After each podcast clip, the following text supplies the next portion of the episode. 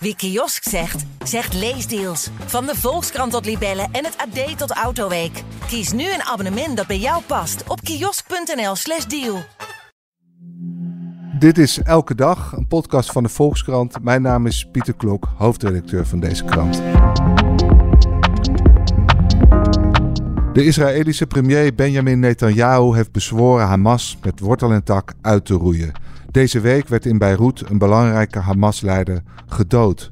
Kun je Hamas helemaal uitschakelen van de aardbodem laten verdwijnen? Dat ga ik uitgebreid bespreken met hier aan tafel Monique van Hoogstraten, die jarenlang correspondent was in Israël. En Jenne-Jan Holtland, onze correspondent in het Midden-Oosten, die in Libanon woont. Jenne-Jan, uh, die Hamas-leider die is uitgeschakeld, Salah al-Aruri. Hoe belangrijk is die precies? Ja, best belangrijk. Het is eigenlijk de, het hoogste kopstuk van Hamas uh, dat gedood is sinds het begin van deze oorlog, sinds 7 oktober. Dus in die zin, uh, ja, voor Israël een, eh, een, een belangrijke winst, zou je kunnen zeggen. Dus voor, voor, voor de eigen bühne, voor het eigen publiek, belangrijk dat ze een Hamas-kopstuk hebben uitgeschakeld. Iets, iets wat hen nog niet gelukt is in, in Gaza. Iets specifieker, Aruri is ook iemand die gezien wordt als een belangrijke schakel tussen Hamas enerzijds en bijvoorbeeld uh, en, en, en Hezbollah in Libanon, uh, maar ook de Iraniërs. Dus hij heeft ook heel uitgebreid genetwerkt de afgelopen jaren in een poging om Hamas dieper ingebed te krijgen in, in, in, in dat regionale bondgenootschap. dus ook in dat verband was hij, ja, was hij toch heel belangrijk. En ik heb zelfs begrepen dat hij ook gezien werd intern als een, als een kandidaat om op termijn uh, Hania op te volgen. Dus de huidige uh, politieke leider van, uh, van Hamas. Dus een, een, een serieuze speler voor, voor Hamas in de regio. Ja. Ja, en, en niet onbelangrijk, Jenny Jan. Ik begreep dat hij ook een grote rol speelde bij um, het financieren en organiseren van Hamas op de westelijke Jordaan-oever. En ik dacht, misschien is dat zelfs wel ook een heel belangrijke reden waarom Israël juist hem, uh, het op hem had gemunt. Hoewel de connectie met Hezbollah natuurlijk ook een grote rol zal spelen. Maar Israël is, is de laatste maanden ook heel druk bezig met het uitschakelen van Hamas en andere militante organisaties op de westelijke Jordaanoever. We lezen daar wat minder over, over het algemene nieuws. Maar er zijn eigenlijk dagelijks uh, wel bijna arrestaties. Um, uh, arrestaties of nou ja, moorden. Zullen ze daar definitief kalt stellen ook? Uh, nou ja, omdat ze natuurlijk ook zien dat, dat als je in, je kan in Gaza wel uh, het een en ander proberen uit te richten, maar als je de westelijke Jordaan over laat liggen, krijg je daar, houd je daar het probleem en, en het probleem groeit ook. Want daar radicaliseert het natuurlijk ook. En deze man, begreep ik, speelde daarin ook een, uh, ja, een grote rol. Want eh, voor het totaalplaatje, Jenne Jan, eh, heeft Hamas ongeveer vier thuisbases. Dus Gaza, Westelijk Jordaan, Oever, uh, Libanon en Qatar. Uh, ja, ik denk dat je dan de belangrijkste gehad hebt. Ja, en, en de, de, de aard daarvan verschilt natuurlijk. Hè? Dus in, in, in Gaza gaat het natuurlijk op dit moment echt om een klassieke guerrilla-strijd met, met tunnels en, en noem het op. Qatar is meer een politieke plek waar hun leiders zitten en waar natuurlijk achter de schermen onderhandeld wordt. Over een mogelijk staakt het vuren, over uh, een gevangenenruil in de toekomst. En in Libanon en Beirut uh, zitten ze vanwege, die, vanwege dat bondgenootschap met Iran en vanwege de regionale vertakkingen. Wat wel aardig is om daarbij te vermelden, is dat ze, ze hebben het ook in andere hoofdsteden geprobeerd. Tot een jaar of tien geleden zaten ze in Damascus, in Syrië. Maar toen koos Hamas eigenlijk kant voor de rebellen. Dus de opstand tegen Assad. En uh, toen heeft Assad ze de deur gewezen. Uh, dus ze, ze, leiden ook in die zin een beetje een zwervend bestaan. Maar dit is, dit is uh, nu de stand van zaken. Ja. Dat ze, dit zijn de belangrijkste plekken waar ze, waar ze zitten. Ja. En hoe ziet dat er in Libanon uit?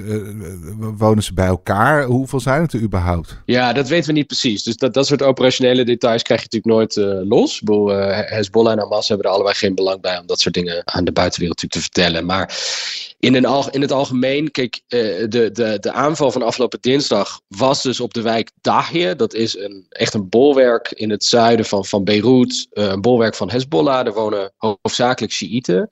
En dat is ook de natuurlijke biotoop, zeg maar, waar, waar Hamas zich ook uh, begeeft. Daar zitten ook andere groeperingen hoor. Dus ook, ook andere groepjes die we kennen inmiddels een beetje uit die as van het verzet. Dus ik zie bijvoorbeeld ook wel eens bij manifestaties kom ik ook wel eens Jemenieten tegen. Die dus de, die de Houthi-tak uh, vertegenwoordigen. Die hebben daar ook een kantoor. Uh, de Iraniërs hebben daar een kantoor. Dus die, die, die kantoren die zitten eigenlijk allemaal in, in die Hezbollah-wijk. En, en, en Hamas heeft daar ook een kantoor. En daar, daar begeven ze zich. En dat, da, daar blijft het ook bij. Dus je zult hen niet aantreffen op, op, op, op, um, op andere plekken in de hoofdstad of op andere plekken in Libanon. Maar dat is een beetje Shiiten alle landen verenigt u. Uh. Ja, ja, met die verstande dat, en dat is toch wel belangrijk, met die verstande dat, dat Hamas natuurlijk geen Shiïtische organisatie is. Dus daar zie je wel, dat is toch een belangrijk verschil. Uh, Hamas is Soenitisch, komt voort uit de moslimbroederschap, heeft een heel andere track record, een heel ander, hele andere geschiedenis dan Hezbollah.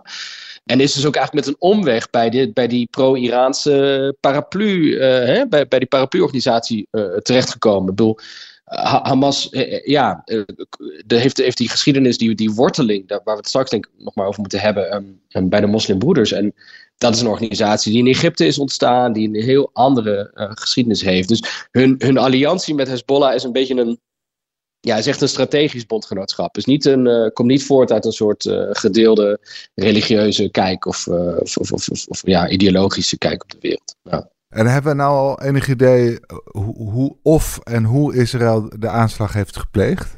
Ja, er, er komt nu langzamerhand iets meer naar buiten. Maar vooropgesteld is natuurlijk dat Israël dus niet claimt. Dus ze doen natuurlijk net alsof ze dat niet waren. Of ze doen daar een beetje geheimzinnig over. Dat is eigenlijk vaste praktijk, omdat dit waarschijnlijk de Mossad was, hè, de Israëlische geheime dienst. En die, die zeggen nooit iets over hoe ze te werk gaan. Maar dat het de Israëli's waren, daar twijfelt eigenlijk niemand over. Um, wat ik nu lees, is dat ze een drone hebben gebruikt. Um, en dat die drone um, een uh, gebouw heeft geraakt waar die Aruri op dat moment aan het vergaderen was met nou ja, minstens zes andere uh, mensen. Die zes anderen zijn ook gedood. Drie Palestijnen, zeg ik even uit mijn hoofd, en drie Libanezen. En uh, er is ook een auto geraakt. Dus dit is een, echt een precisieaanval geweest. Je ziet ook op de, op de beelden dat er eigenlijk alleen ja, die verdieping zeg maar, waar zij waren is geraakt en de verdieping erboven. En dat is het wel min of meer. En dat laat ook zien, hè, dat, dat is waar Israël toe in staat is. Dus in Gaza was er altijd heel veel uh, discussie rond de Gaza-oorlog. Van ja, zijn die burgerdoelen, die burgerslachtoffers nou eigenlijk onvermijdelijk? Nou ja, hier laat Israël toch zien dat dat wel degelijk te vermijden valt. Want hier hebben ze het ook heel netjes vermeden. En is er geen enkele collateral damage. Dit was puur ja, gericht op, op, op Aruri. Ja. ja, maar dit is ook misschien minder te beschouwen als een oorlogsdaad. Uh, en meer, meer te beschouwen als uh, Mossad-actie, die we natuurlijk ook in het verleden heel vaak hebben gezien. Of het nou was in de nasleep van die aanslag in München. Ja, dat ze gewoon de hele wereld overtrekken om de, uh, om de aanslagplegers terug te pakken. Ja, dat klopt. Ja. Dus in de jaren 70 en 80 gingen ze achter inderdaad destijds PLO-leiders aan die, die achter Palestijnse aanslagen zaten met, met kapingen en, en inderdaad die aanslag in München in 72. Nu heeft dus inderdaad Netanyahu een maand geleden al in december uh, ook de Mossad opdracht gegeven van jongens, het is de, de wereld is jullie toneel, ga jullie gang, uh, Hamas mag overal worden uitgeschakeld. Dus in die zin is het geen, geen verrassing en die Aruri heeft ook, Aruri zelf heeft ook in interviews gezegd al voor, ver voor 7 oktober al dat hij wist uh, hè, dat hij een martelaar zou kunnen worden en dat hij daartoe bereid was. En, in die zin is het geen verrassing. Maar goed, voor Hezbollah is het wel een groot probleem. Want dit, ja, zij zijn gastheer. Zij moeten feitelijk Hamas beschermen. En dat, daar hebben ze deze week in gefaald. Wordt het aan hun kant wel als een oorlogsdaad beschouwd? Als een soort raketaanval? dat weten we dus nog niet zo goed. Dus ik, ik heb de indruk dat, dat Nasrallah nu vooral bezig is, dus de, de baas van Hezbollah, dat hij vooral bezig is tijd te winnen. Uh, zij heeft gisteren een, een, toespraak gegeven, maar daar is dat ongelooflijk weinig concreets in. Uh, hè, buiten de gebruikelijke dreigementen. Uh, teksten als: We hebben onze vinger op de trekker. Uh, we kunnen toeslaan. Heel, hele, heel veel gezwollen spierballentaal.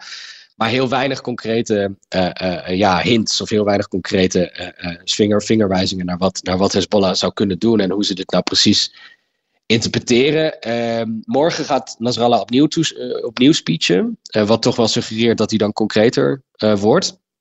Maar voor, nogmaals, voor Hezbollah is dit echt een grote. Um, Ja, een groot hoofdpijndossier. Want dit is eigenlijk het moeilijkste moment nu voor, voor, voor hun. Het moeilijkste moment sinds het begin van de oorlog.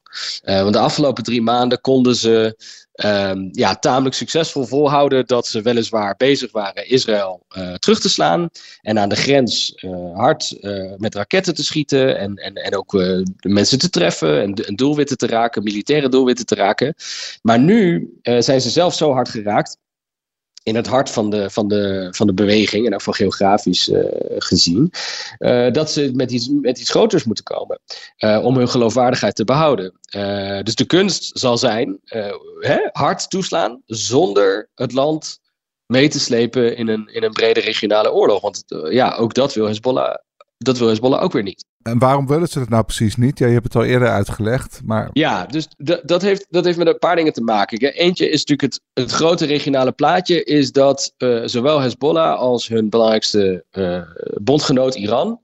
zijn eigenlijk al best wel tevreden dat 7 oktober zoveel teweeg heeft gebracht. Hè? De, de Israël gold altijd als zo'n machtige speler in de regio... en zo'n militaire grootmacht dat ja, ze toch uh, nu op 7 oktober toch, toch, toch te kijk zijn gezet. En dat, dat is een, dat is een uh, moment dat nog ja, jaren zal nadreunen in de regio. En voor, voor Iran is dat alleen al winst. Dat de, de mythe, wat dan heet de mythe van, onverze- van, uh, van onaanraakbaarheid, of hoe, moet je dat, hoe zeg je dat in goed Nederlands? de mythe van onkwetsbaarheid is, is, is doorbroken. Ja, en, uh, en, en, en dat is voor Iran een heel groot succes. Daar komt nog iets belangrijkers bij. Uh, Hamas is in de brede, de brede regionale orde, orde der dingen een veel minder belangrijke speler dan Hezbollah. Een kleinere speler, een, een organisatie met een beperktere agenda. Dus de redenering is toch ook wel heel gecalculeerd van nou, het is ons het gewoon niet waard om het veel sterkere Hezbollah op te offeren voor dat relatief kleine doel, namelijk het redden van Hamas in Gaza. Of het redden van Hamas uh, voor, ja, voor de toekomst. Zoals sommige mensen dat hier dan noemen, je, red, je, je offert niet een arm op om een vinger te redden. Dat klinkt cynisch, maar dat is wel de calculatie, denk ik, uh, tot nu toe geweest. En de vraag is, is dat vol te houden na deze week? En dat weten we niet. Want er, het is natuurlijk vaker gespeculeerd over uh, nou ja, dat het conflict zich uitbreidt uh, en, en, de hele regio meesleurt. we zien nu eigenlijk wel allerlei dingen gebeuren die daarop wijzen. Ook al kunnen we vaak nog niet precies begrijpen waarom dingen gebeuren. Maar die aanslag bij die, het herdenken van ehm, die Israël, Iraanse generaal gisteren. Uh, dat is toch ook een teken dat de regio instabieler wordt. Uh, zie jij dat ook? Zie, zie je wel dat het langzaam zich de hele regio besmet? Ja, absoluut. absoluut. Dus waar we een, maand geleden gingen, hadden we het nog vooral over de, de Houthi-raketten op de, op de Rode Zee. Uh, hadden we het over wat speldenprikken links en rechts. Maar het begint nu uh, serieuzere vormen aan te nemen en daarmee ook veel gevaarlijkere vormen. Dus even kort de opsomming nog. Op eerste kerstdag eigenlijk buiten het zicht van de meeste wereldaandacht, denk ik, is, is, er een, is de hoogste Iraanse generaal in Syrië gedood. Ook door een Israëlische aanslag. Ook, ook daar heeft Israël niks, uh, niks uh, bekend, maar dat is duidelijk dat Israël daarachter zit. Dat was eerste kerstdag. Vervolgens kwam deze week dinsdag die aanslag hier in Beirut. Gisteren, wat je zei. Uh, in, in Iran. Meer dan 100 doden. En vanmorgen twee doden bij een hele belangrijke pro-Iraanse militie in, uh, in Irak. Uh, in Bagdad, in de hoofdstad. Wie daarachter zit is nog onduidelijk, maar het lijken de Amerikanen te zijn geweest. Met andere woorden, klap op klap op klap op klap voor dat Iraanse. Voor die, ja, voor die pro-Iraanse uh, organisaties. En, um, en, en daarmee worden ze uitgedaagd. Het, is, het lijkt er een beetje op dat Israël, met name Israël, die de rode lijnen uh, van de Iraniërs een beetje aan het uh, uitproberen is, aan het testen is van hoe ver kunnen we gaan. En zonder dat we een serieuze klap terugkrijgen. Maar waarom doen ze dat? Want, tot nu toe is toch een beetje tegen de verwachting in. Blijft Iran hier buiten? Je zou ook zeggen dat het in het belang van Israël is dat, dat Iran zich hier buiten houdt. Waarom zijn ze nu aan het provoceren? Ja, dat, dat is heel moeilijk te zeggen. Ik vind dat ongelooflijk moeilijk te zeggen. Ik denk dat de Amerikanen zichzelf die vraag ook stellen. Want de Amerikanen hebben net deze week, of wat, wat is het, een, paar dagen geleden hun vliegtuigschip, dat hier in de Middellandse Zee lag, hebben ze teruggetrokken. Dat vliegtuigschip lag er om, om eigenlijk Israël rugdekking te geven. Dat hebben ze nu teruggetrokken en precies op dat moment slaat Israël toe. Dus Amerika eh, heeft blijkbaar ook heel weinig invloed op de Israëli's. En, en de, de vraag dringt zich denk ik op van wie, naar wie luistert Netanyahu nog? Hè? Eh, buiten zijn eigen mensen in, in zijn eigen kabinet. Wat Israël precies beweegt vind ik heel moeilijk te zeggen. Anders dan dat ze proberen ja, hun afschrikking, even terug weer naar 7 oktober, hun, die, die mythe van on, on, onkwetsbaarheid was, was doorbroken. En ik denk dat Israël probeert om die uh, muur van, van onkwetsbaarheid weer op te trekken. En de enige manier om dat te doen is om zo hard tekeer te gaan dat iedereen in de regio weer denkt: oké, daar valt niet mee te zonnen. Dat is het spel. Maar ze spelen met vuur. Het is echt uh, het is buitengewoon gevaarlijk. Maar we weten nog niet, uh, Jenny Jan, of die gebeurtenissen gisteren in, in ehm, Iran met die 100, ruim 100 doden. En vanochtend in Bagdad of uh, Israël daarachter zitten.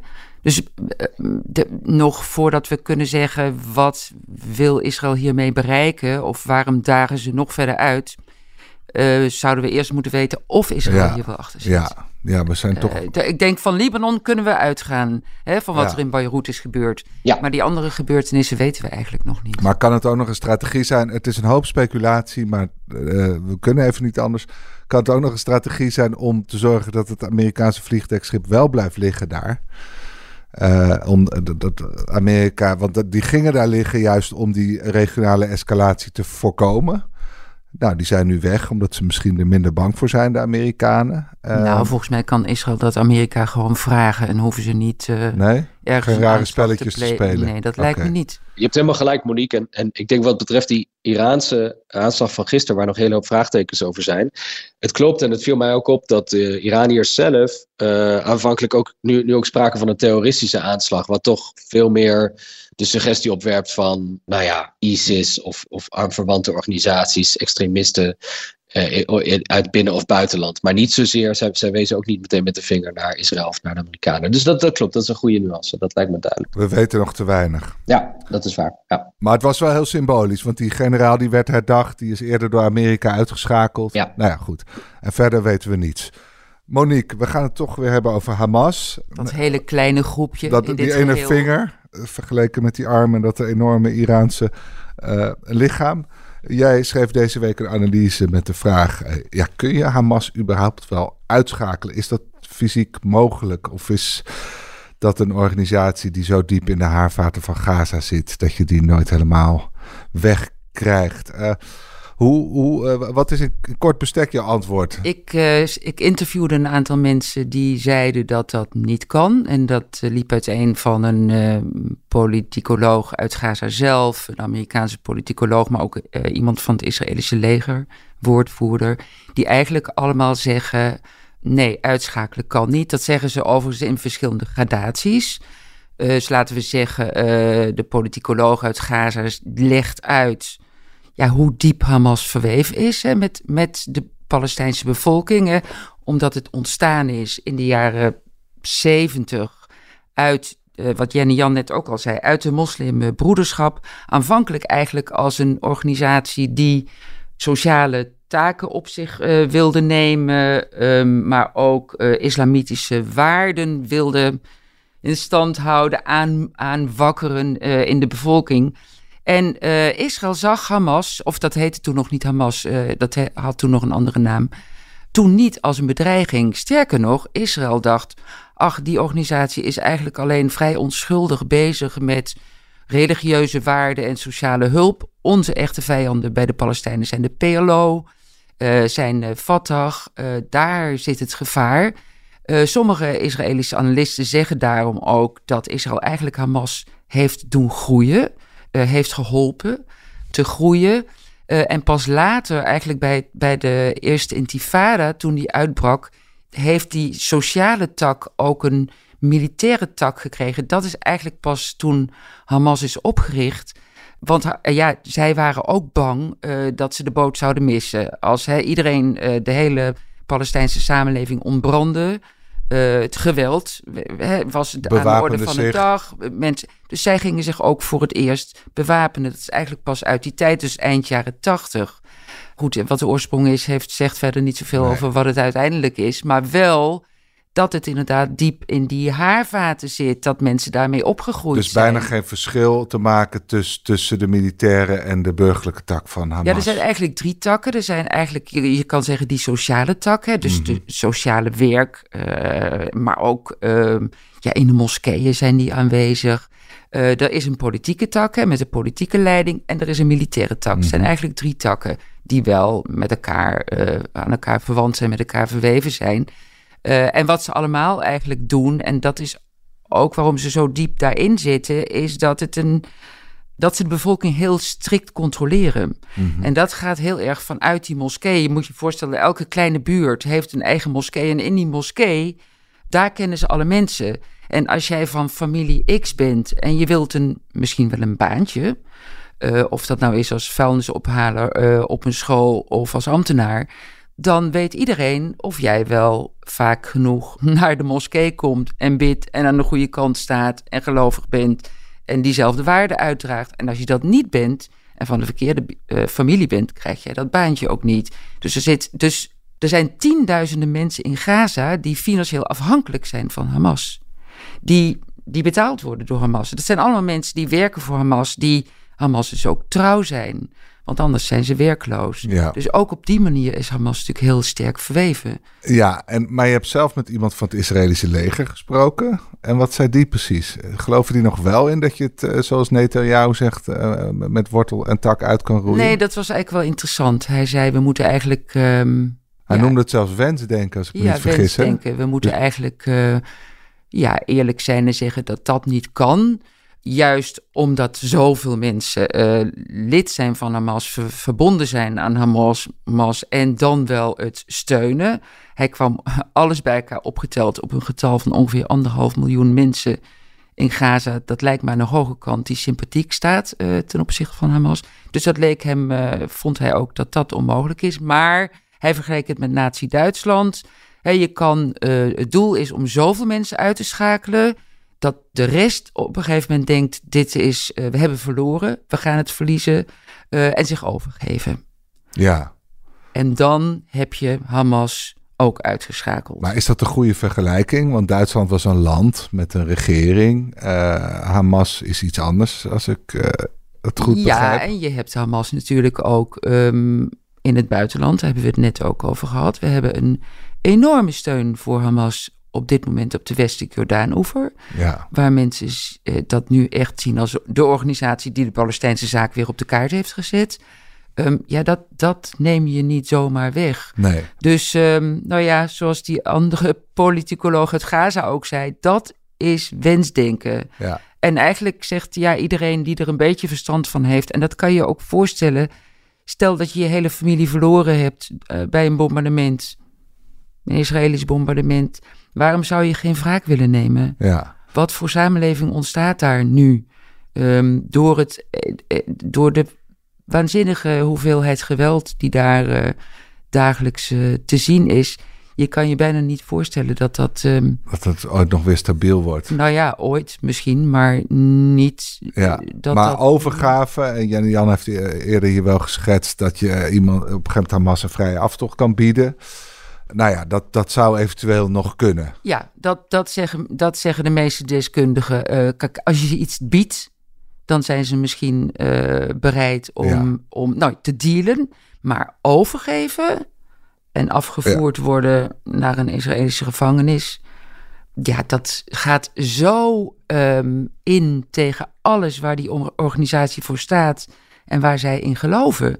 En uh, de rechtvaardigheid ook van die zaak. Uh, in hun ogen. In hun ogen. Ja, en wat weten we van het fysiek? Want ze zitten dus helemaal in de samenleving. Vaak, uh, ze mengen zich onder de burgerbevolking. Het is heel moeilijk te zien hè, wie een Hamas-strijder is of een gewone Gazaan. Dus het is heel moeilijk om te zien wie je überhaupt moet verslaan. En dan hebben ze ook nog dat enorme uh, tunnelstelsel, gangenstelsel. Uh, weten we daar al meer over? Uh, hoe, hoe, hoe, moeilijk is het om ze fysiek te raken? Want nou, we, vorig jaar hebben we al besproken, er, er, worden heel weinig leiders tot nu toe uitgeschakeld daar. Nou ja, wat wel interessant is, dat Israël toch zegt um, dat het op dit moment in het noorden van de Gazastrook al, op één of twee plekken na de boel onder controle heeft. Dus dat ze met speldenprikken, als het ware, um, ja, de, de, de boel kunnen controleren. De echte gevechten vinden nu plaats in het zuiden, in Gaan Yunis. Mm Daar zitten ook nog gangenstelsels, daar zitten ook uh, strijders. Uh, ik las net uh, een interview met, met een, ook een militaire commandant die zei...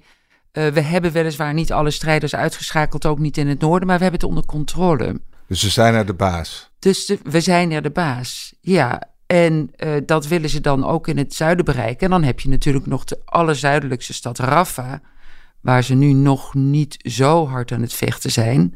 Ja, dat staat dan ook nog te gebeuren.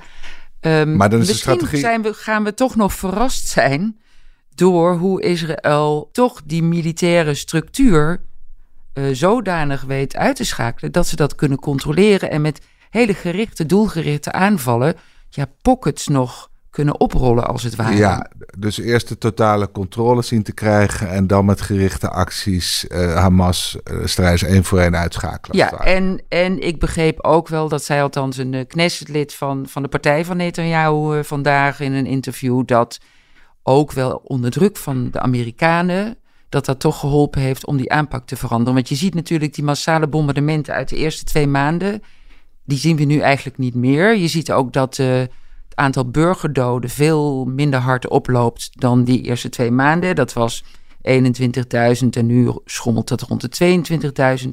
Dat zijn hele andere aantallen dan in het begin. Dus je ziet ook dat die Israëlische tactiek aan het veranderen is. En dat is ook mede onder, uh, onder druk van Amerika. Ja, maar ze hebben ook soldaten teruggetrokken, toch? Was, en ze vorige hebben week? deels uh, soldaten teruggetrokken uit, uit dat noordelijke deel. Wat ze dan deels onder, of zeggen onder controle te hebben. Deels begrijp ik om mensen op adem te laten komen. Deels ook om de economie in Israël zelf weer op gang te brengen.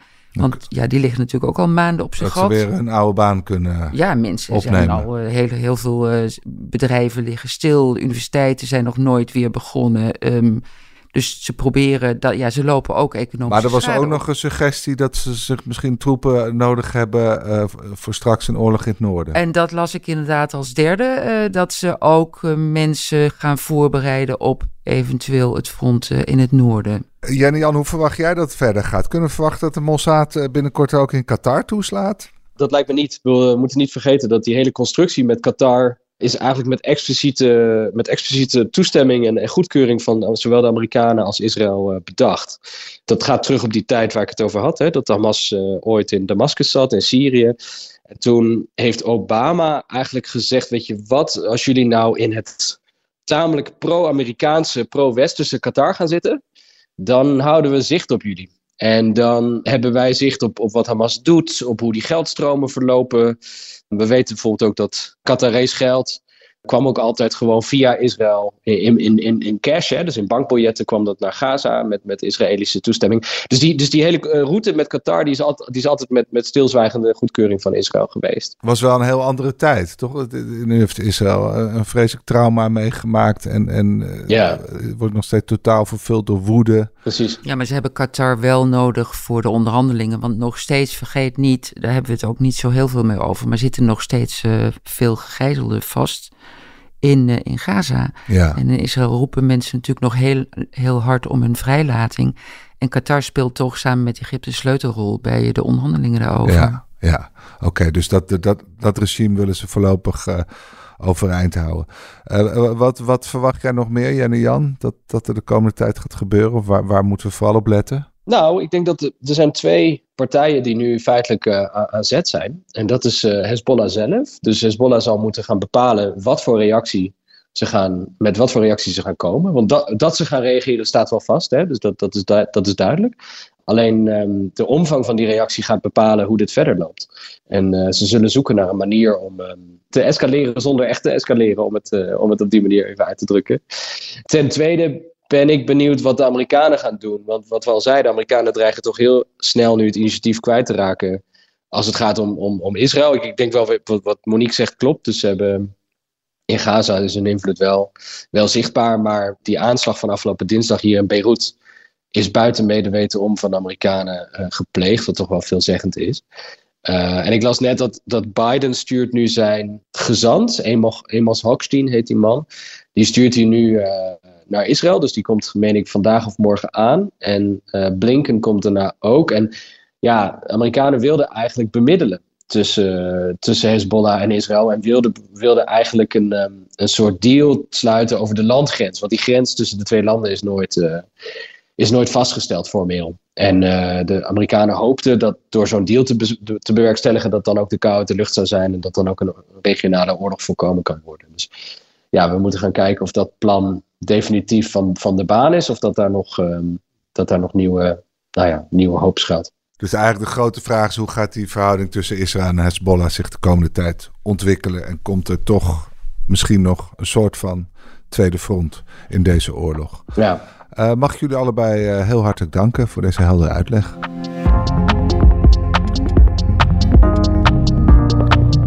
En u luisteraar, dank voor het luisteren naar de Volksstand Elke Dag. Deze aflevering werd gemaakt door Lotte Grimbergen, Julia van Alem en Rinky Bartels. Wilt u de Volkskrant steunen? Dat kan, vooral door een abonnement te nemen. En dat kan u voordelig via volkskrant.nl slash podcastactie. Want deze podcast is gratis, maar onze journalistiek is dat niet. Morgen zijn we weer. Tot dan. Wie kiosk zegt, zegt leesdeals. Van de Volkskrant tot Libellen en het AD tot Autoweek. Kies nu een abonnement dat bij jou past op kiosk.nl/slash deal.